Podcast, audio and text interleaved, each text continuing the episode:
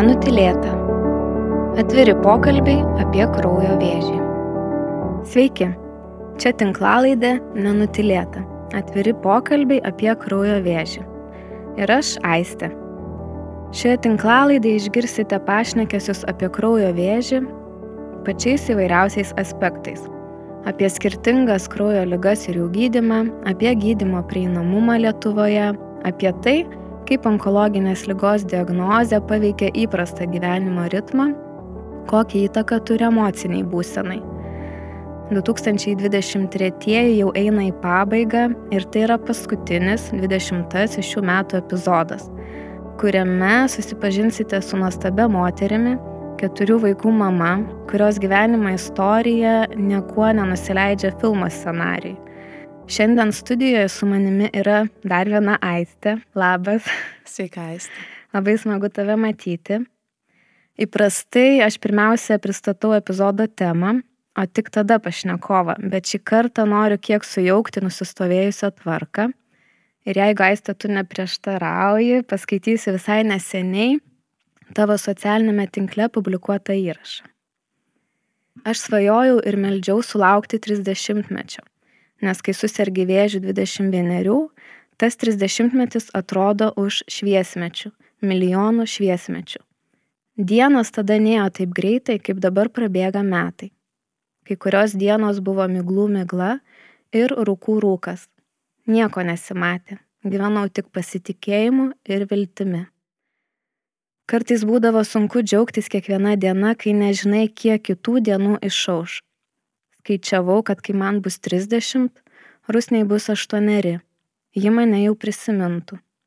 Jos vaikystėje nuolat būdavo pripirkus rūbų trims metams į priekį, kad darius nerenktų jos belia kaip, jei numirčiau. Viskas seniausiai išaukta ir aš savom akim mačiau, kaip ji juos sunešiojo.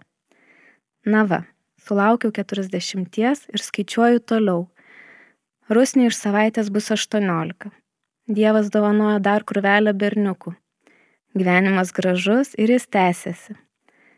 Dažnai sakau, kad man seniai negaila laiko ilgai žiopsoti varnas ir lėktuvus, nes tas laikas ir yra gyvenimas, tikrų tikriausias, pilnas kasdienybės stebuklų. Esu belia kaip laiminga, kad tiek sulaukiau ir skaičiuoju toliau. Šio įrašu sujaudinusi ne tik mane, bet ir daugelį leistis bičiulių Ji pasidalino, kaip jau supratote, švesdama savo gimtadienį.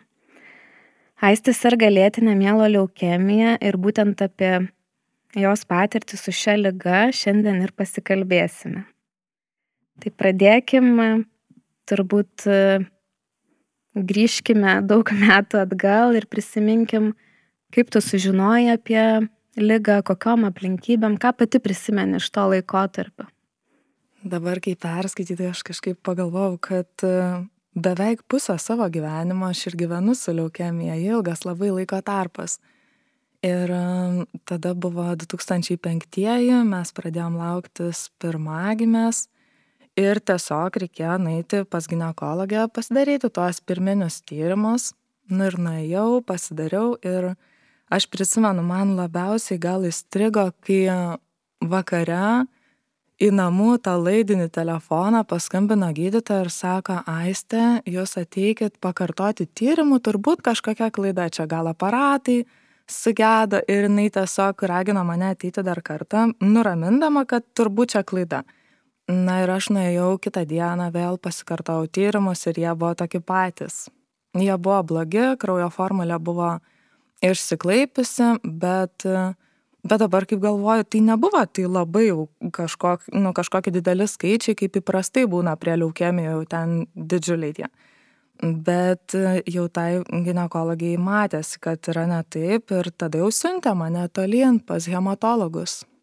Ir kaip kaip toliau nusiuntė pas hematologus ar ar greitai paaiškėjo diagnozė ar užtruko tas kelias papasakok šiek tiek ganėtinai greitai aš atsimenu kad pasidalinau tėvam apie tą situaciją jau teko pasakyti kad laukiuosi nors pradžioj su vyru galvojom kad nu pasilaikysim sau tą žinią bent iki dvyliktos savaitės nes galvoji tik apie nėštumą na va bet staiga viskas vertėsi reikėjo greitai patekti pas gydytojus patekau Ir tuomet jau, nu, vad, kalbėjomės, kas, kas yra, kad suprasti realiai tą situaciją. Ir, na, buvo aišku, kad, vad, neštumas yra ir yra vėžys greičiausiai.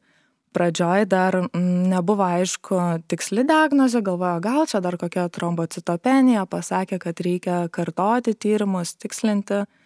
Na va ir tada kaulų čiulpus paėmė, Pamenu, kad vyrui įdavė į rankas tos mano kaulų čiulpus su tuo mėgintuvėliu. Jisai jas vežė į Vilnių, reikėjo vartyti visą kelią, dar atsimenu, kad brangus tas tyrimas buvo. Ir, na va, ir kai pasidariau tą tyrimą, po kiek laiko atėjo atsakymas. Ir patvirtino, ar ne, kad, kad tai yra lėtinė mielo mhm. leukemija. Ar pati kažką žinojai apie šitą lygą, ar buvo visiškai toks ir netikėtumas, kad e, tai kraujo vėžys ir lyga negirdėta, kaip, kaip buvo tau? Čia buvo dar kita istorija, nes man šita lyga buvo ganėtinai girdėta ir kaip įdomu, kad aš irgi galvoju, nuo turbūt nuo gal nuo paauglystės apie leukemiją aš atkreipdavau dėmesį ar knygoje, ar literatūrai, man kažkaip va ta paslaptinga diagnozė domina. Ir kita situacija buvo irgi visiškai netikėta. Prieš keletą mėnesių prieš man susirgant, mano geriausia draugė tuometinė susirgo ūminę leukemiją prieš porą mėnesių. Ir, ir aišku, va tada aš labai išgyvenau kaip artimojo tą lygą. Ir iš tikrųjų aš ten ir gilinausi, ir jinai Mm, labai daug man pasakodavo apie savo tą lygos kelionę, apie tyrimus, aš jau žinojau, kas yra kaulų čiulpų funkcija. Tai kai e, pradėjo man įtarti tą lygą, tai tiesiog, nu jau mano galvoj buvo daug informacijos ir, ir nežinau, tai ar gerai, ar blogai, tiesiog, nu, ta patirtis man buvo labai naudinga, nes aš tam tikrą prasme jau buvau išgėdėjus dėl jos. Mm. Nors tai skirtingos lygos, bet vis tiek kraujo lygos jos turi ir panašumų. Tai tai kai aš pati susirgau, tai, nu, tiesiog buvo toksai, kad, nu, va dabar tą patį teks pereit man. Ir dar įdomu, kad tą atsakymą aš pamačiau pati elektroniniam pašte, nes tiesiog man atsintė atsakymą tą mhm. citogenetinio tyrimo. Aš perskaičiau, pamačiau, kad rasta ta Filadelfijos chromosoma, dar paguglinau prie kompiuterio. Nu tai man taip ir buvo aišku, nors jau buvo gydytojas parašęs tą įtarimą. Mhm. Tai va taip gyvenimas įdomiai sudėliojo, ar ne, kad iš tikrųjų teko sužinoti ir apie na, leukemiją, galbūt bent bendrąją prasme. Kaip, kaip buvo su gydimu, ką toliau reikėjo daryti, tu laukiaisi, ką gydytojai sakė, nes situacija iš tikrųjų tavo buvo turbūt sudėtingesnė negu na, kitų žmonių, kurie nenešioja po širdimi vaikelio. Taip, taip, tikrai tam buvo, nu, buvo dramos tikrai gyvenime, man atrodo, nes tuo metu, mm, nu, va, buvo ta akistata, kad iš pradžių aš labai džiaugiausi dėl neštumo ir staiga man sako, kad, nu, va, čia nesloga, čia kraujo vežys, čia yra rimti sprendimai, mes negalėsim gydyti, jeigu tu nešiosi. Ir iš tikrųjų, tai, nu, galvoju, net sunku dabar taip pat tą pagrindinę gal mintį mhm. išskirti, bet man reikėjo apsispręsti, ką daryti toliau. Ir viena nuomonė buvo, kad reiktų atsisakyti neštumą ir pradėti gydimą. Mm, bet atsimenu dar ir mane labai pastiprino, kad vienam konsiliume buvo pakviesta gynekologė, kur jinai sako, kad, nu, bet čia lėtinė lyga, galbūt išeitų pagimdyti ir tuomet jau spręsti apie gydimą. Ir iš tikrųjų tai aš tai taip ir jaučiau, kad, kad aš tikrai nesiryšiu negimdyti. Gal dėl vertybių iš šeimos, kurioje augau, man ta gyvybės kultūra visą laiką labai svarbi buvo. Ir, ir be to apskritai aš kažkaip galvoju, kad, nu, gyvybė neša gyvybę. O buvo viena naktis tokia, kai aš tikrai, nu, vat, negalėjau užmigti ir galvojau, bet aš tiesiog taip net logiškai galvoju, tai galvoju, nu tai net jeigu, nu, vat, jiem atrodo abortas išeitis, ar ne, tai aš lieku ir be vaiko, ir su vėžiu. Ir dar neaišku, koks ten tas gydimas. Tai man atrodė, nu, nepakeliama. Tai tiesiog labai norėjau kažkaip išsaugoti neštumą ir gimdyti. Ir... O tada galvojau, kažkaip Dievas pasirūpins, nes irgi kažkaip aš esu tikintis žmogus ir man Na, aš pavedžiau Dievo rankas tą visą savo gyvenimą ir dukrytės gyvenimą, tuo metu nežinojau dar, kad tai dukrytė, buvo septynios neštumo savaitės pati pradžia. Bet man tas apsisprendimas jis tarsi uždarė tą klausimą, va tiesiog, va dabar aš laukiuosi ir toliau gyvenau kaip neščioji labiau negu kaip ligonė. Aš klausau ir man tiesiog širpai eina, aš neįsivaizduoju, ką tu išgyvenai ir tuomet, nežinau, ir dabar net kaip pasakoji, E, aišku, dabar, kai žinau, kad jau tavo dukra pilnametystę sulaukė ir, ir kad viskas tikrai labai gerai pasisekė, tai džiugu, kad na, apsisprendė taip, kaip apsisprendė, bet įsivaizduoju, kad tuo metu tai turbūt labai sudėtinga buvo. Tai džiaugiaisi neštumu, gimė vaikelis ir tuomet teko jau imtis gydimo, ar ne? Taip, neštumo metu man kraujo tyrimai buvo ganėtinai geri.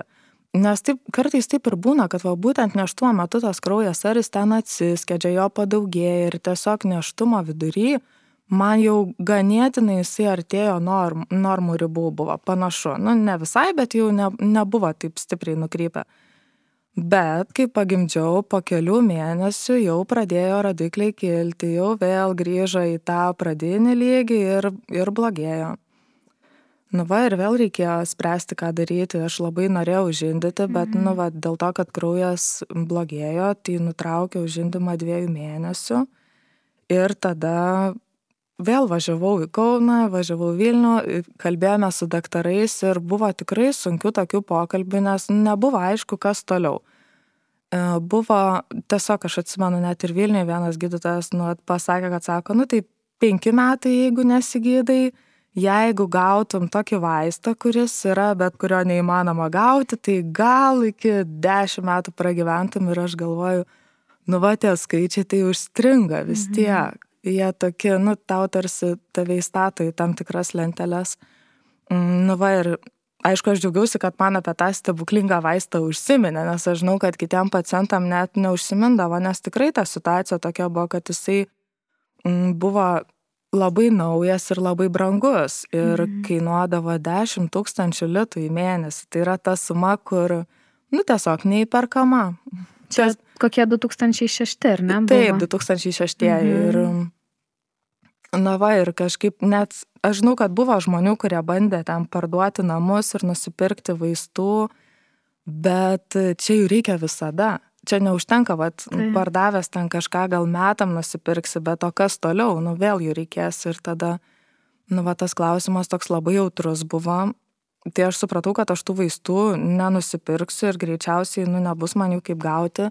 Tai tada mes pradėjom kalbėti apie kaulų čiulpų transplantaciją, nes tai irgi vienas iš gydimo mhm. variantų, kai nėra pasiekiamas tas inovatyvus gydimas. Na ir iš pradžių tipavo ten mano sesė ir broli ir irgi buvo labai tokia jautri situacija, kad mano brolis ir sesuoja vienas kitam identiškai tinka. Gydytojai stebėjosi, sako, jie kaip dviniai, o man ne vienas. Ir vėl atrodo, nu, va, kas toliau, va, koks, koks šitas kelias. Ir, um, ir tada pradėjo, kai donorą ieškoti, vėlgi ten dažniausiai būna, kad randa ne vieną, o penkis, dešimt, penkiolika ir iš jų renkasi ateina gydytoja ir sako, aiste, bet tik vienas yra. Nu, jisai, nu, vat vėl, bet vėlgi sako, reikia jį tikrinti ir, bet man pasakė, kad maždaug mėnesio laikotarpį aš ruošiausi transplantacijai, tai vėlgi aš jau kažkaip mintimis pradėjau galvoti. Nu, va, tada man buvo gal vienas iš tokių sunkiausių tų dalykų, nes aš labai bijojau tos transplantacijos, nes jau iš draugės buvau prisiklausius ten visą tą kelią.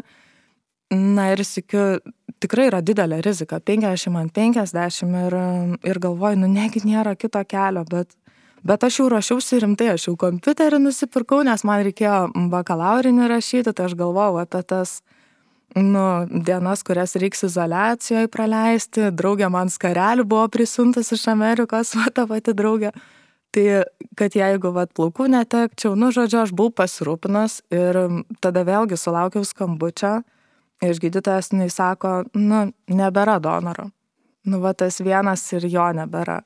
Mano kraujas blogėja, visiškai neaišku. Ir um, aš taip ir galvot galvodavau, nu, gal nereikės rašyti bakalaurinio, jeigu atsidursiu ligonį, jeigu numirsiu, irgi nereiks. Nu, kažkaip galvodavau, išvelgti kažkokių pozityvių dalykų, nes irgi, nu, ta, toj nežinioje yra sunku tau apskritai imtis kažkokių darbų, kūrybą įjungti, nu, tiesiog, nes galvoji, kaip išgyventi, labai irgi buvo, va, mane tas apėmęs liudesys, tai kaip čia bus su vaiku, nu, va, dėl to tos rūbus rusniai pirkdavau prieki. Bet paskui per kelis mėnesius irgi dar mm, pavyko man visgi patekti į tą studiją. Tikrai tai stebuklas, kažkaip labai džiaugiuosi gydytojas Gerbutavičius Kaune mm, globojo ir padėjo, va, tikrai man labai per ilgą tą lygos kelią įvairiais etapais ir kai jau pavyko patekti tą studiją, tai atrodė, nu tikrai čia kaip laimėjus milijoną, nes tie vaistai, nu, jie labai buvo brangus, mhm. bet ne tik finansiškai, nu, Taip. nu, vat, juos buvo svarbu gauti, nes yra labai sunku žinoti, kad gydimas yra. Nu, vat, kad pasaulyje, ten Amerikoje žmonės jau gauna gydimą, o čia tiesiog negalėjo gauti, tai tas labai emociškai veikia. Įsivaizduoju, kad, va, kaip, kaip tu ir sakai, yra, bet e, kažkokie trukdžiai ne, negali gauti ar e, pradėjai tą gydymą ar ne, ar e, iki šios dienos e, tu vartoji tuos pačius vaistus, ar kažkas keitėsi? Aš vartojau tuos vienus vaistus apie 10 metų plus minus, bet vėlgi ta pradžia nebuvo lengva, nes gal labai tikėjausi to greito atsako ir jo nebuvo. Pirmus metus, tada Mm, aš pirmus metus neturėjau kartais nutraukti, nes tiesiog man nukrisdavo neutrofilai, leukocitai, būdavo tokie vėlgi, aš manau, gal tai susiję ir kad aš pagimdymo buvau vis tiek tie mhm. Organizmui reikia atsistatyti, bet tik tai per antrais metais jau pabaigoje man pavyko pasiekti tą remisiją, kai jau tos Filadelfijos chromosomos neberado pagaliau ir kai, kai tikrai jau tie tyrimai jau buvo jau arti remisijos, jau visai tas skaičiai maži. Ir tavo gydimas yra tabletinis, kur kiekvieną dieną, nu, buvo kur pradžioje, ne kiekvieną taip. dieną, ten turbūt tuo pačiu metu, ar neturėdavai išgerti, nežinau, vieną ar du kartus dienoje. Vieną kartą dienoje atsimenu keturias oranžinės tabletės. jos buvo, kadangi jos buvo tokios išsvajotos, tai aš pradžioje, aišku, labai džiaugiausi, kad nu turiu tą vaistą, kad galiu jį gerti jaučiau šalutinių poveikių, bet vis tiek ta nauda jinai buvo nepalyginamai didesnė už, mm. už šalutinius poveikius, nes atrodo vis tiek, vat, šita lyga jinai yra, nu, kitokia, tu čia turi pasiruošti maratonui, tai nėra, kad atsidūriau ligoniniai, nu, vat, chemoterapija, transplantacija ir pamiršta, ar ne, tai, tai čia priešingai, nereikia patirti tų radikalių gydimo metodų, bet tas kelias yra ganėtinai ilgas ir jisai yra sunkus ir, ir per jį aišku išgyveni visokiausių tų pakilimų ir nuosmukių. Mhm. O kaip tu turėdama tikrai tokią ilgą patirtį, draugystės galbūt su lyga galiu sakyti, ar ne, nes vis tiek e, turbūt ir priemi ir, ir susidraugavai, gal ir apie tai galėsi papasakot. Kaip tu apie savo lygą papasakotum žmogui, kuris, na, bet nieko nežino. Kažkiek minėjai, bet e, gal gali tiesiog e, įsivaizduot, kad sėdi prieš tave žmogus, kuris nežino ir tau reikia trumpai papasakoti. Nu, va, aš važiuodama net vyro klausiu, sakau, nu, man įdomu, va, kaip tu per 20 metų, kaip tau dabar atrodo, va, ta mano lyga ir, ir ką tu pasakytum, sakau, kokį testą norėčiau duoti, ką žin, sužinojo apie tai.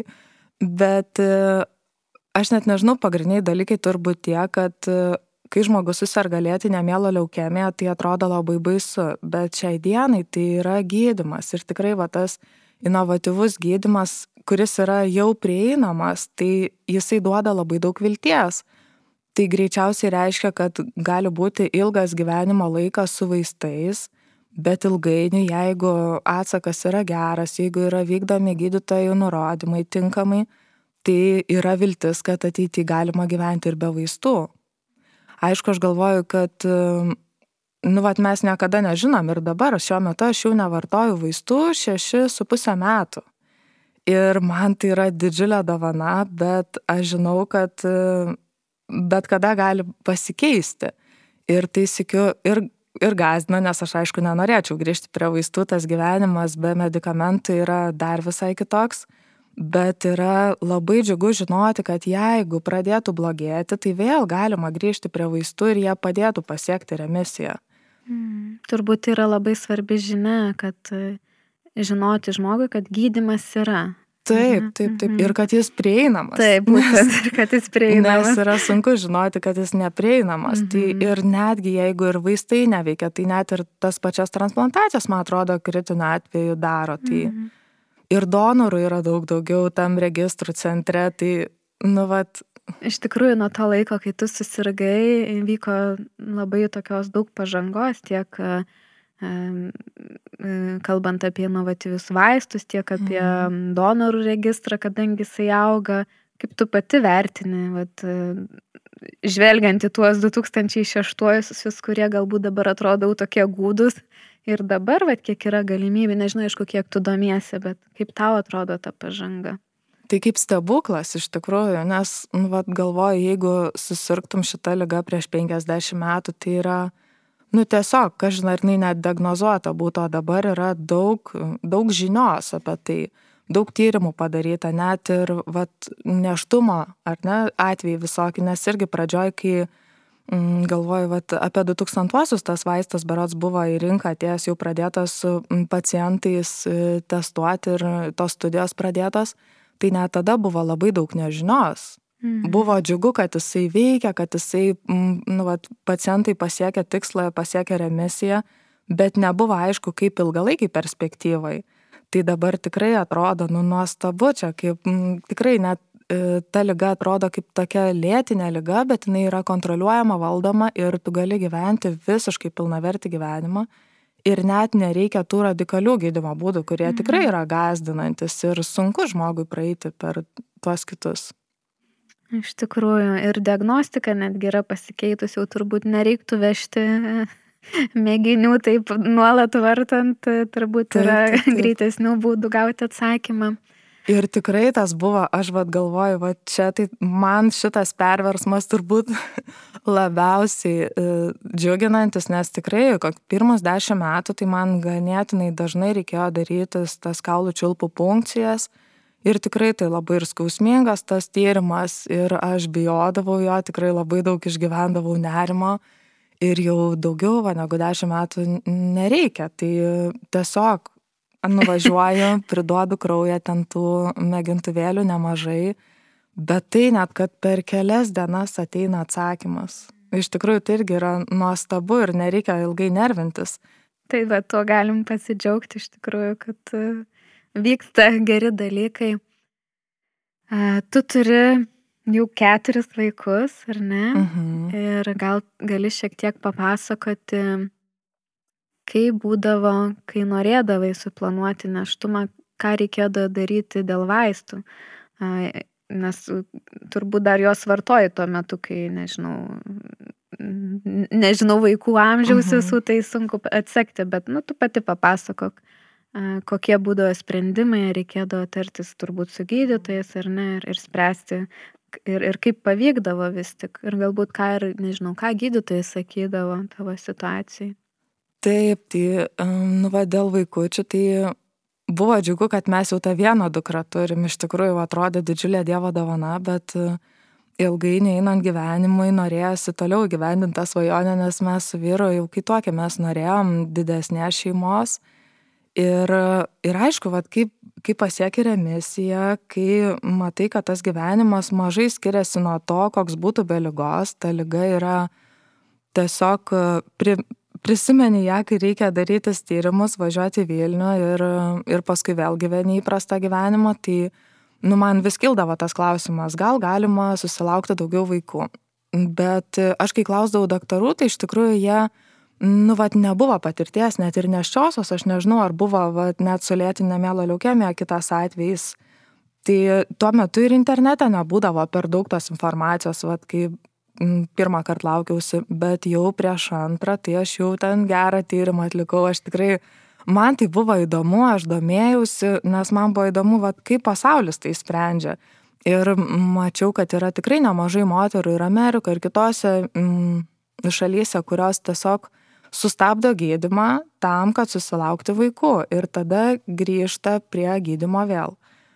aš galvoju, kad man toks svarbiausias gal dalykas, kuris padėjo apsispręsti, tai tas, kad aiškiai žinia, kad šita lyga nėra paveldima genetiniu mhm. keliu. Jeigu būtų kitaip, aš vad nežinau, vis tiek čia toks jau moralinis sprendimas, bet e, šita žinia jinai labai išlaisvina, nes aš žinau, kad mano vaikai jos nepaveldės. O yra vaistai, kuriuos nutraukus vėl gali grįžti prie jų. Tai ir man buvo labai įkvėpimas amerikietės tokios merginos istorija Erin Zametrudė, aš prisimenu, labai skaitydavau ją, jinai žurnalistė ir irgi susitokė, bet jinai susitokus e, tik tai gal irgi susirgo ir kažkaip ten, kad neturėjo vaikų ir nuo nulio pradėjo. Ir jinai susilaukė trijų vaikų su pertraukom, nutraukdama vaistus ir jinai aprašinėjo labai plačiai savo tą kelionę. Ir Amerikoje jinai gydėsi pas nužymiausius šitos lygos specialistus ir netgi dėl pačio vaisto vartojimo neštumo metu, vad kada reiktų nutraukti, kada reiktų, nu, tiesiog sustoti jau prieš ovulaciją, vartoti vaistus. Tai netgi jinai, atsimenu, konsultavosi su tuo išradėju, kuris išrado šitą vaistą. Tai aišku, kai tu žinai daug informacijos, nu, tas duoda saugumą, tokio nu, baimės dinksta, nes iš šono gal atrodė, atsimenu, vat, kai tą antrąjį sūnų Timotiejų pagimdžiau, nu ir kai laukiausi, tai kitiem atrodė, mažiau žinantiem apie kraujo vėžį, tai atrodė turbūt, kad aš išprotėjau ir neatsakinga ir, ir visai čia, bet aš pasakodavau, kad yra saugu, kad užsienio žmonės tiesiog gyvena įprastą gyvenimą. Tai, bet aš manau vis tiek mano vat, aplinkai tai buvo gal mm. irgi išbandymas, nes atrodo, kad, nu taigi, va, turi jau vieną vaiką, džiaugis, nenumirė ir viskas, bet ta svajonė širdį apie didesnę šeimą, jinai mane įkvėpė toliau domėtis ir, ir aš pradėjau kalbėti su daktarais ir, nu, irgi buvo įvairių nuomonių, bet e, tada kalbėjausi su tais, kurie palaikė ir, ir padėjo. Mhm. Tiesiog e, padėjo sudėlioti planą A, planą B, kas būtų ir tiesiog aš prieš tą antrąjį neštumą, tai nutraukiau vaistus, atsimenu, septynios dienos prieš ovulaciją ir kadangi naudojam natūralų šeimos planavimą, tai man buvo viskas labai aišku, kada ten reikia nutraukti. Mhm. Nu, va, ir tai buvo labai trumpas laikas, pačioj, pačioj, va, neštumo pradžioj su vaistais ir jis yra saugus ganėtinai. Paskui atsirado kitokių rekomendacijų, kad galima ir prieš mėnesį nutraukti. Bet aš manau, kad tai kitom moterim aktualu dėl to, kad, nu, ne visos iškart pastoja ir jeigu reiktų ten kokį pusmetį būti be vaistų, o vis ne, nesulaukia to neštumo, tai va dėl to yra tų įvairių schemų, kaip tą pasiekti. Bet mano atveju greitai tie neštumai ateidavo, tai tiesiog va pastovau, pasidariau tyrimus ir tada jau be vaistų tiesiog kelionę bet aišku ir toliau kas keletą mėnesių tikrindavausi nuolat ir, ir aš visą gyvenimą tikrinuosi, kas maždaug tris mėnesius kartais dažniau reikėdavo, bet niekada nebuvau tokiam mm, laikotarpiu, kad nereiktų man darytis tyrimų. Mm. Ta kontrolė vis tiek tokio ir saugumo suteikia. Jau geriau turbūt kas kelis mėnesius gauti tą žinią, kad viskas yra gerai ir toliau džiaugtis gyvenimą, ar ne, negu, nežinau, ten nerimauti, įsivaizduoti Nežinau, kaip tau yra. Taip, taip, mhm. taip. Net ir žinoti, kad vat, blogėja, gerėja. Nu, mhm. Nu, tiesiog, nes ten yra ganėtinai platus tas intervalas. Ne iš karto reikia grįžti prie vaistų. Yra labai aiški riba, nuo kurios va molekulinių tyrimų atsakymuose reiktų grįžti prie vaistų. Tai, tai net ir tas viravimas, jisai nėra keistas, jisai yra mhm. normalus. Tu jau kalbi kaip lygos ekspertė. Dar grįžkim prie tos nežinomybės, kurios tikrai yra labai daug e, susirgus onkologinė lyga. Ir tu pati apie tai užsiminė ir apie tos tokius e, etapus, kai būdavo ir nusivylimų daug. Kas tau padėjo, e, galbūt tai sunkiausiais momentais, nes tikrai jų būna ir šiaip, ir be lygos turbūt žmonėm įvairių problemų susikaupia. Tai kas tau padėjo išbūti tame, išplaukti, sulaukti tų geresnių etapų? Sunkiausi etapai turbūt buvo pačioj pradžioj iš tikrųjų, aš galvoju, va tie ta nežinia, nes visada nežinia, jinai labai užkelia nerimo lygį, pergyveni ir man padėjo tikėjimas turbūt labiausiai, kitų žmonių malda, palaikymas, nes kai tu žinai, kad kiti už tave meldžiasi, tai labai sustiprina. Bet aš irgi dar stengiausi visą laiką, nu, va, išgyventi tuos jausmus taip, kaip gyvenu. Jeigu norisi verkti, tai ir verkiu, jeigu norisi mm, džiaugtis, tai džiaugiesi, nu, ir, ir tas yra labai autentiška ir ir to jausmo labai daug. Ir, ir aš turbūt, nu, vat, stengdamas išgyventi tuos visus um, etapus, psichologiškai savo padėjau, nu, tam tikrą prasme, bet aišku, ėjau į terapiją lankiau kažkuriais etapais jau dėl kitų krizių, nes aš kažkaip galvoju, dabar va retrospektyviai žiūrint, tai pati lygos istorija ne, šita nebuvo didžiausios krizės mano gyvenime. Ir man tas buvo labai įdomu, kad aš, e, nu, va, paskutiniu metu irgi turėjau labai didelį tokį išbandymą, kuris mane visiškai iškirta iš gyvenimo, tai leukemija niekada taip nebuvo padarius ir aš galvoju, kad mes niekada nežinom savo ribų Ir kartais tos situacijos, kurios yra, nu, vat, iš aplinko žiūrint skaudžios ir sunkios, tu jas praeini susimobilizavęs, o tu gali būti visiškai iškirtas toj vietoj, kur tiesiog tau atrodo, nu, vat, gyvenimo pasikeitimas kažkoks, bet jis nepakeliamas. Tai, mm. Tai... Taip, dar e, pasakodama apie antrąjį savo neštumą, užsiminiai apie tą aplinkinių reakcijai. Tai ir aš galvoju, kad turbūt yra mm, didžia dalim susijęs su tuo, kad ypatingai anksčiau e, žmonės apie savo lygą, turbūt net nebūtinai onkologinę, bet ypač onkologinę, vengdavo kalbėti, labai dažnai slėpdavo netgi nuo savo artimos aplinkos. E, bet apie ką aš dabar čia e, lenkiu, kur, kur suku, tai kadangi tu turi daug vaikų, Kaip jūs kalbate šeimoje, nes e, iš tikrųjų dažnai žmonėm, kurie susirga jau turėdami vaikų, jie nežino, kaip komunikuoti, ką pasakyti, kiek pasakoti. Tai iš tikrųjų įdomi yra tavo patirtis. Aišku, tavo situacija gal kitokia, nes e, lyga paskui vaikai tarsi ir neatsirado, bet nežinau, gal gali pasidalinti, kiek jūs kalbatės, kaip su, su mažaisiais, kiek jie žino, kiek tu pati pasakoji. Mhm, tai, nu, aš galvoju, kad mano vaikai turbūt jie jau va, gimė su ta žinia ir nebuvo, nu, niekada tokio tokio etapo, kad vat, susisadinčiau ant sofos visus ir jau papasakočiau, kaip čia, nu, vat, kaip aš čia sergu ir kad čia... Kaip filmuose būna, ar ne? taip, taip, tokio pokalbio tikrai niekada nebuvo, nes aš nuo mažens, va, kai Rusnė gimė, taigi aš ją tasydavausi po tos gydytojų kabinetus. Natūraliai neturėdavau kur palikti, tai vežiodavausi ir natūraliai vaikui kyla klausimas, nu, vat, o kodėl čia reikia važiuoti, kodėl čia pleistras, ar čia skauda, vat, kaip tas kraujas.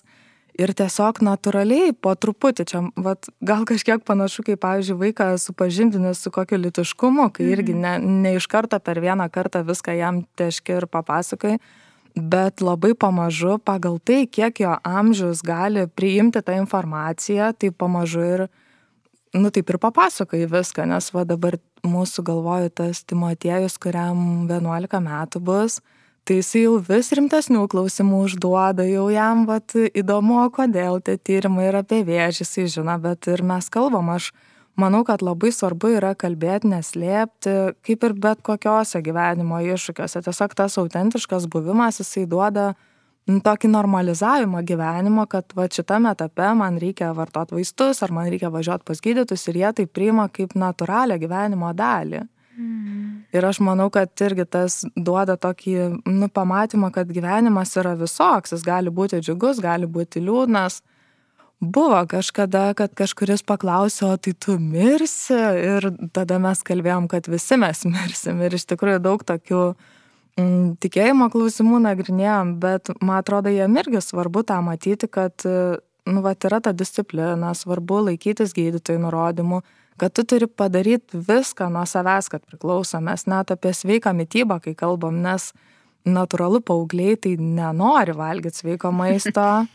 Bet tada aš jam pasakoju, kad man čia svarbu dėl sveikatos, kad mano organizmas kovoja, aš turiu jam padėti ir jeigu valgysiu vien čipsus, tai čia neaišku, kaip bus. Tai, tai tiesiog per tokius paprastus gyvenimo pavyzdžius, natūraliai, kiek išeina ir mm, aš kažkaip gal laukiu labiau, va, kiek jie paklausė, va, kiek tas mhm. susidomėjimas, kad neužberti tą perteklinę informaciją, kurios tuo metu vaikui nereikia, bet kiek kuriam jau iškyla klausimas, tai visada atsakau ir tiesoju. Turbūt tas ir yra svarbu, kad pagal amžių, kiek supranta, tiek, kiek klausia, tiek ir atsakyti ir, ir kaip tu sakai, neslėpti. Taip. Nes turbūt tada tos stigmos ir atsiranda ir lydi kitose gyvenimo etapuose, nu, kai klausi ir atsakai, tai tikrai toks tarsi natūrali gyvenimo dalis, nes, na, iš tikrųjų, kaip bebūtų, visi mes mirsim ir, nu, tai gyvenimo dalis yra, ar ne? Ir vaikai turbūt moka labai tokių tiesmukų klausimų užduoti, kur Taip. kartais pasimet ir galvoj, kaip, čia, kaip čia reiktų mhm. atsakyti. Mhm. Toks tradicinis klausimas, tu kažkiek ir užsiminiai, bet Ar pasikeitė ir kaip pasikeitė tavo gyvenimas po diagnozės? Ir netgi žvelgiant per va, tą daugybę metų, kuriuos tu esi su lyga. Man atrodo, kad aš labai giliai va tą esu įsisamonins, kad kiekviena diena yra dovana. Tikrai, net ir per tuos sunkius etapus, labai tą, nu, aš dėkoju tiesiog Dievui kiekvieną dieną, kad ačiū, atsikėliau ir, ir kad turiu tą dieną ir man tai atrodo labai svarbu. Aš aišku galvoju ir apie tai, kad lygagi keičia gyvenimą, nu, vat, visai, įvairiais tais rakursais ir, ir kartais galvoju, vat, ko aš netekau dėl lygos ir ką man jinai davė. Ir, ir aš prisimenu, kad prieš pat diagnozę, irgi koks mėnesis prieš, aš labai norėjau tapti donorę kraujo. Man buvo atrodė, kad va aš gyvenime labai norėčiau būti donorė ir jau noriu pradėti dabar tą daryti. Mhm. Bet buvo sesija ir aš nenuėjau tada, nu va ir po dar po mėnesio pradėjau lauktis ir jau sužinau diagnozę. Ir aš niekada nebuvau ir nebūsiu kraujo donorė. Ir man va tas atrodo kaip gaila, bet aš paskui galvoju, nu bet aš galiu kitus įkvėpti, kad jie duotų kraujo. Ir ypač, kai kaulų čiulpų donorų ieškojo, atsimenu, pradžioje ir universitete man buvo kelios akcijos darytos, kad, nu, per tą mano istoriją ir atėjo nemažai žmonių, va tiesiog tapti potencialiais kaulų čiulpų donorais, užsirašyti registrą. Ir galvoju, nu, nu va taip, man liūdna, kad aš negaliu būti pati donorė, bet galiu įkvėpti kitus. Tai ieškoti kiekvienoje situacijoje gal to kažkokio pliuso, nu tiesiog kažkokio džiaugsmo iš to, ką galiu. Mm. Užsiminiai ir apie tai, e, kad ir pati tikrai domiesi ir savo lyga, ir gydimo galimybėm, ir naujovėm turbūt, ir apie tą svarbą laikytis gydytojų nurodymų, ar ne? Galbūt apibendrinant galima sakyti, kad labai svarbus yra tas bendradarbiavimas su gydytojais, siekiant rezultato, kuris tau yra geriausias. Ir dažnai čia yra toks tarsi atrodo atsiranda e, žmonių noras patiem kažkaip pasigydyti, dar pasigerinti. Ką, kodėl va, tau atrodo, kad yra svarbu laikytis gydytojų nurodymų, bendradarbiauti su jais, ne, nesimti kažkokių um, savygydos būdų, tartis būtinai? Taip, taip, tikrai labai svarbu tiesiog, nes aišku, nu, vat, ir su tais gydytojais užmesgi tokį ilgametį santykį, nu, jie pasidaro labai svarbus, svarbi gyvenimo dalis, va dėl neštumo ne tik su vyru turi tartis, ir su gydytoju, kada čia kokia, nu, vat, koks laiko tarpas tam tinkamas, ar viskas gerai. Ir, ir tikrai, manau, labai svarbu yra įsiklausyti, bet sikiu ir eiti į diskusiją. Vat, aš kaip sakiau, va, net ir dėl tų neštumų, nu tuo metu nebuvo daug informacijos, tai man atrodė svarbu va, savo dalį padaryti ir tada kalbėtis, va, kaip galima mm, kokiu išeičiu, bet aš visada irgi e, tiesiog e, laikiausi savo žodžio, mes buvom sutarę, kad, sakykime, vaistus nutraukiu, bet jeigu pakyla, tada grįžtų prie vaistų. Ir aš buvau grįžus va po antro neštumo prisimenu, buvo 8 mėnesiai ir 10 dienų, kai galėjau žindyti, o tada stop ir, ir vėl tos oranžinės piliulės. Ir aš manau labai svarbu ta, nu, tokia ir, ir savidisciplina dėl savęs, bet ir tam su gydytojais ryšy, kad jie irgi pasitikėtų, kad, nu, vat, kad nebus kažkokio savavališko vaistų nutraukinėjimo, kad uh, suprasti tą atsakomybę, nes tikrai lyga jinai nepasidarė nepiktesnė per tuos metus. Mm. Nuėjau, ne, ir aš pati matydavau, kaip vat, nutraukus vaistus iš karto pradeda kilti rodmenis, vienam žmonėm kyla, kitiem ne. Ir, ir nežinai, ir dėl to labai svarbu ir išlaukti tų terminų, kai jau galima juos nutraukti, irgi nesavavališkai. Mm. Tai tiesiog tas artimas, artimas kontaktas ir toks tarpusavio dialogas yra labai labai svarbus, tikrai. Nes pradžioj gal būna žmogui, kai yra ta nežinia, tai ten iš karto pradedi galvoti apie visokius alternatyvius, ten užpiltinės visokias, aš prisimenu irgi mane ten, aš pasakydavau, kad man kraujo lyga ir sakydavo ten kokį, kad, ai, tai nieko, čia burokėlių sulčių pagersi ten, bet, nu tai aš jau supratau, kad čia ne apie burokėlių sultis, jau čia jau vėžio atveju, bet visada turbūt yra tokia pagunda iš tos nežinios, o kai tu žinai, kad va, yra daugybė žmonių, kurie gydosi, yra vaistai, juos reikia tiesiog vartoti. Ir dar aš turiu tą patirtį, kas yra, kai tų vaistų negauni, tai užtat aš juos taip vertinu dar visai kitaip Lėtinė mielo leukemija įprastai laikoma vyresnių žmonių tokia lyga, na vidutinis amžius yra apie 65 metus, tu susirgai labai jauna būdama. Ar tau teko sutikti panašaus amžiaus e, pacientų, ar, ar nelabai, nes vis tiek turbūt ligoninės koridoriuose kartais išsišneki, ar, ar žinai panašių istorijų savo? Taip, taip, aš bendraudavau tikrai su pacientais ir, ir, vat, ir Lietuvoje keletą jaunesnių žmonių ir, ir šiek tiek vyresnio amžiaus.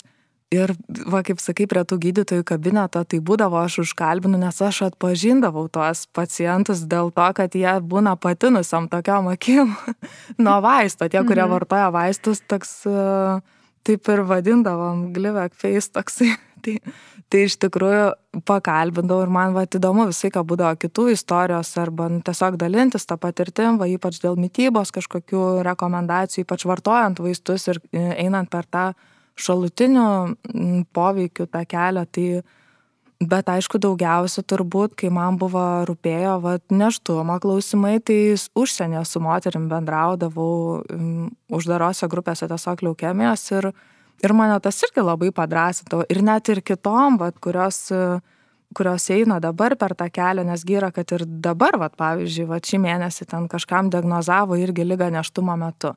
Tai pasaulyje tie atvejai nėra vienetiniai, pas mus mažai žmonių, mm. vat, bet ir, ir aišku, per tą laiką atsirado daugiau žmonių, nes ir pacientai, mm. jie ilgiau gyvena. Tai. Anksčiau tas skaičius pacientų būdavo visą laiką panašus, nes dalis numirdavo, o dabar tiesiog mūsų daugėja ir nepaisant to, kad vyresnio amžiaus daug, bet ir jaunų žmonių tikrai susirga. Mhm. E, užsiminiai vėl apie šalutinius reiškinius, norėjau prieš tai paklausti, bet pabėgo mintis. E, gal gali pasidalinti, kokius tau teko patirti ir kaip susitvarkydavai, gal kažkokių patarimų išgirs ir klausytojai, kurie susiduria su panašiais dalykais. Nu, labiausiai, kas mane nervindavo, tai būdavo, nu, kad tikrai tas vaistas, jisai keisdavo veido bruožus, nes tu esi nuolat užtinęs, netokia, netokia savimi jausdavausi, kai vartojau vaistus, tai ten irgi visokiausių būdavo patarimų, kad neprisigerti vandens arba skyščių prieš miegą, nu, tiesiog nes po nakties tada iš viso, jeigu dar miegi pagalvę į veidą, tai gali ryte nepažinti savęs. Tai visokių tokių, man atrodo, moterim va tas svarbu, nes vis tiek norisi savimi būti. Tai, tai tas kyšių kaupimasis veidą. Taip pat būdavo man, kad labai saulė reaguoja, na aišku, reikia vengti apskritai buvimo saulėje, bet aš labai greitai degdavau nenormaliai, tiesiog per 10-15 minučių tiesiog nudegimai būdavo ant kūno labai stipriai, raudonai. Tai, tai tada supratau, kad čia yra rimta ir tikrai, nes tas vaistas matyt ir arti odos kažkaip pasiskirsto, dėl to gal ta oda taip ir veikdavo. Dar man būdavo visokių šalutinių poveikių su žarnynu ir tada aš irgi ieškojau, niekaip nesupratau, kaip čia yra, ar čia yra dėl vaisto, ar čia yra dėl lygos ir ką galima keisti. Ir tada aš nusprendžiau keisti mytybą iš tikro labai stipriai radikaliai galima net sakyti, kai jau supratau, kad gali būti tai susijęs su mytyba, tai buvo laikas, kai nustojau visiškai vartoti pieno produktus ir maždaug penkis metus maitinausi veganiškai, bet aš ir mačiau, kaip tai koreliuoja su mano tyrimo rezultatais, mane tas taip nustebino. Pirmiausia, tai kad iš tikrųjų vat, man dingo tie šalutiniai poveikiai, nes aš anksčiau, nu, vat, kai jau nutraukdavau vaistus dėl neštumų, aš jau pamačiau, kad, nu, va, aš vaistus nutraukiau ir šaltinių poveikių nėra. Aš tik grįžtu prie vaistų ir vėl prasideda. Tai aš tada supratau, kad čia yra susijęs su, su vaistais ir greičiausiai su mytyba irgi daug skaičiau ir, nu va, ir tada man kažkaip labai palengvėjo nuėmus pieno produktus, nes gali būti, kad tas vaistas irgi koreliuoja būtent va, su pieno produktais.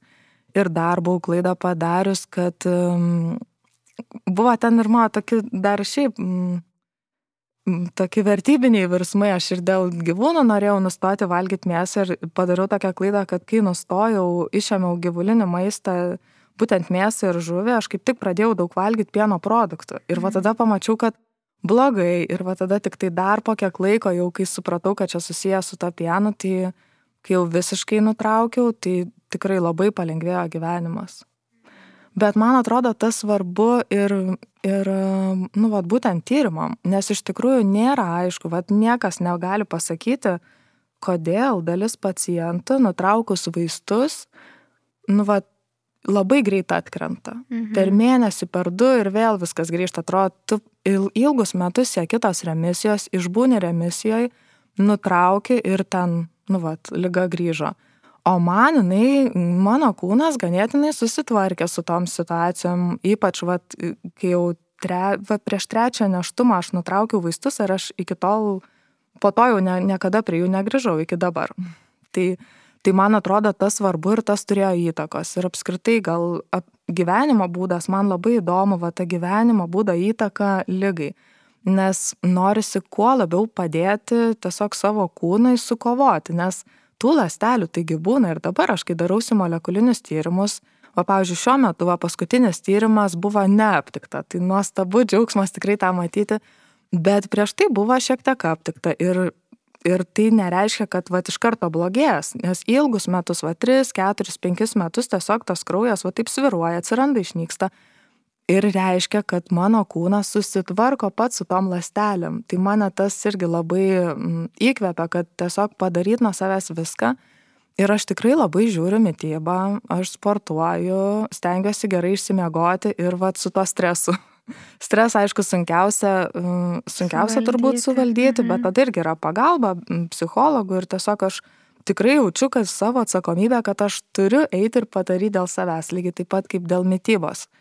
Ir dabar aš jau nesimaitinu visiškai veganiškai, va ypač kai, kai laukiausi, man buvo toks labai stiprus noras žuvies užvalgyti vėl va, po daug mhm. metų ir kiaušinių, tai aš juos vartoju šiek tiek, bet aš jų vartoju nedaug. Ir ir kiek teko domėtis va būtent ta augalinė mityba jinai tikrai yra labai gelbėjanti ir prieš uždegimus ir ir apskritai va ta sveika mityba bet geriausi rezultatai tada kai jinai nėra visiškai pilnai šimtu procentų veganiška bet vat kokia aštuoniasdešim devyniasdešim procentų palaikyti tą sveiką maistą o jau tuos dešim dvidešim procentų nu tiesiog vat natūraliai kažko užvalgai svečiuose mhm. bet pagrindas vis tiek turi būti tas sveikas maistas tai aš manau kad ta patirtis mm, kai visiškai nevalgiau tų produktų man davė tą supratimą kas yra tie dešim procentų. Mhm. nes kitaip labai lengva irgi pamest save. Manau čia ta savidisciplina labai svarbu. Labai vertinga tai kuo tu daliniesi. Tik turbūt norisi atkreipti dėmesį, kad kiekvieno atvejs individualus ir taip, kad žmonės taip, taip. nepultų patys, na, kad iš tikrųjų, kaip ir tu sakai, reikia domėtis, tu daug domėjasi, tai arba pasitarti su, nežinau, gydytoju, dietologu prieš imantis radikalių pokyčių, kad ne, nepulti nuo, nuo rytojus, viskas, ten nebevalgau to ir to. Ir pasižiūrėti, kas, kas tinka jums, turbūt tą irgi reikia uh, paminėti, bet uh, taip, kit, kiti va, dalykai, ką tu sakai, miegas, uh, judėjimas, fizinis aktyvumas, tai irgi yra tikrai kiekvienam turbūt labai svarbu, streso suvaldymas čia, kas mm. be ko. Ir pabaigai e, turiu tokį tradicinį klausimą. Praktiškai visų pašnekovų paprašau, kad jie kažko palinkėtų ar patartų žmogui, kuris, na, va štai šiandien sužinojo, kad jam onkologinė lyga ir e, turbūt ir pati atsimeni, kad tuo metu būna ir pasimetimo, ir nežinios, ir chaos, ir iš vis niekas čia neaišku ką tu palinkėtum, koks būtų svarbiausias patarimas? Mane kažkaip labai įkvėpdavo ta mintis, kad ir po vėžio yra gyvenimas. Nu, kad jis yra pilnas tas gyvenimas tikrai visko ir kad tiesiog jisai gali būti kitoks tam tikrais tais etapais, tais sunkiais etapais. Svarbu žinoti, kad viskas turi prasme ir tikrai mano vyras dažnai sako tą mintį, kad viskas turi prasme tuo metu, kai labai sunku. Ir kartais aišku, ir sunku priimti tą prasme, nes tu jos realiai nematai, eidamas per tuos sunkius etapus, bet atsigręžus atgal, tai tikrai visose tose etapuose matosi ta prasme, tai man atrodo svarbiausia yra džiaugtis gyvenimu, dėkoti tiesiog už kiekvieną dieną ir kai tu daug dėkoji, tai tu matai, kiek turi. Iš tikrųjų, man tai tas dėkojimas turbūt labiausiai padeda, arba kai nebematau, jau užeina toks rūkas, va ta migla, nesimato tokių šviesių dalykų, tai tiesiog labai sąmoningai atsisėdu ir susirašau, va, ką turiu, kuo džiaugiuosi ir kiek gavau ir, ir tiesiog, kad tikrai nu va tas pozityvus mąstymas jisai duoda tokios vilties. Ir ne tik pozityvus man atrodo tas pasitikėjimas ir dievu kad jisai išves iš visų situacijų net jeigu dabar klajoju va kažkur nu va kažkokiom kryžkelėm ir tie išbandymai tikrai labai sunkūs kad jisai išves ir bus ir bus viskas gerai ačiū aiste kad pasidalinai savo istoriją savo mintimis kaip tu sakai, ir po vėžį yra gyvenimas, tai tavo istorija turbūt yra pats, pats tikriausias pavyzdys. Ir labai smagu, kad e, klausytojai išgirs tavo pasakojimą gruodžio mėnesį, kuris yra na, toks stebuklingas laikotarpis, man atrodo, prieš kalėdas, kai visi šiek tiek e, tampa geresni, pakilesnė nuotaika, tai tikrai labai labai Džiaugiuosi, kad atvykai iš Kauno pas mus. Ačiū visiems, kurie klausėtės šio epizodo. Jeigu jis pasirodė jums įdomus, e, būtinai pasidalinkite juo su kitais savo socialinėme tinkle. Tinklalaidę nenutilėtai gyvendina asociacija Kraujas, vienijant tikrojo lygomis sergančius ar sirgusius asmenis, jų artimuosius, medicinos specialistus ir kitus žmonės, kurie palaiko asociacijos veiklą. Daugiau informacijos tiek apie asociaciją Kraujas, tiek visus tinklalaidės epizodus visuomet galite rasti mūsų interneto puslapyje arba Facebook paskyroje. Iki kito karto.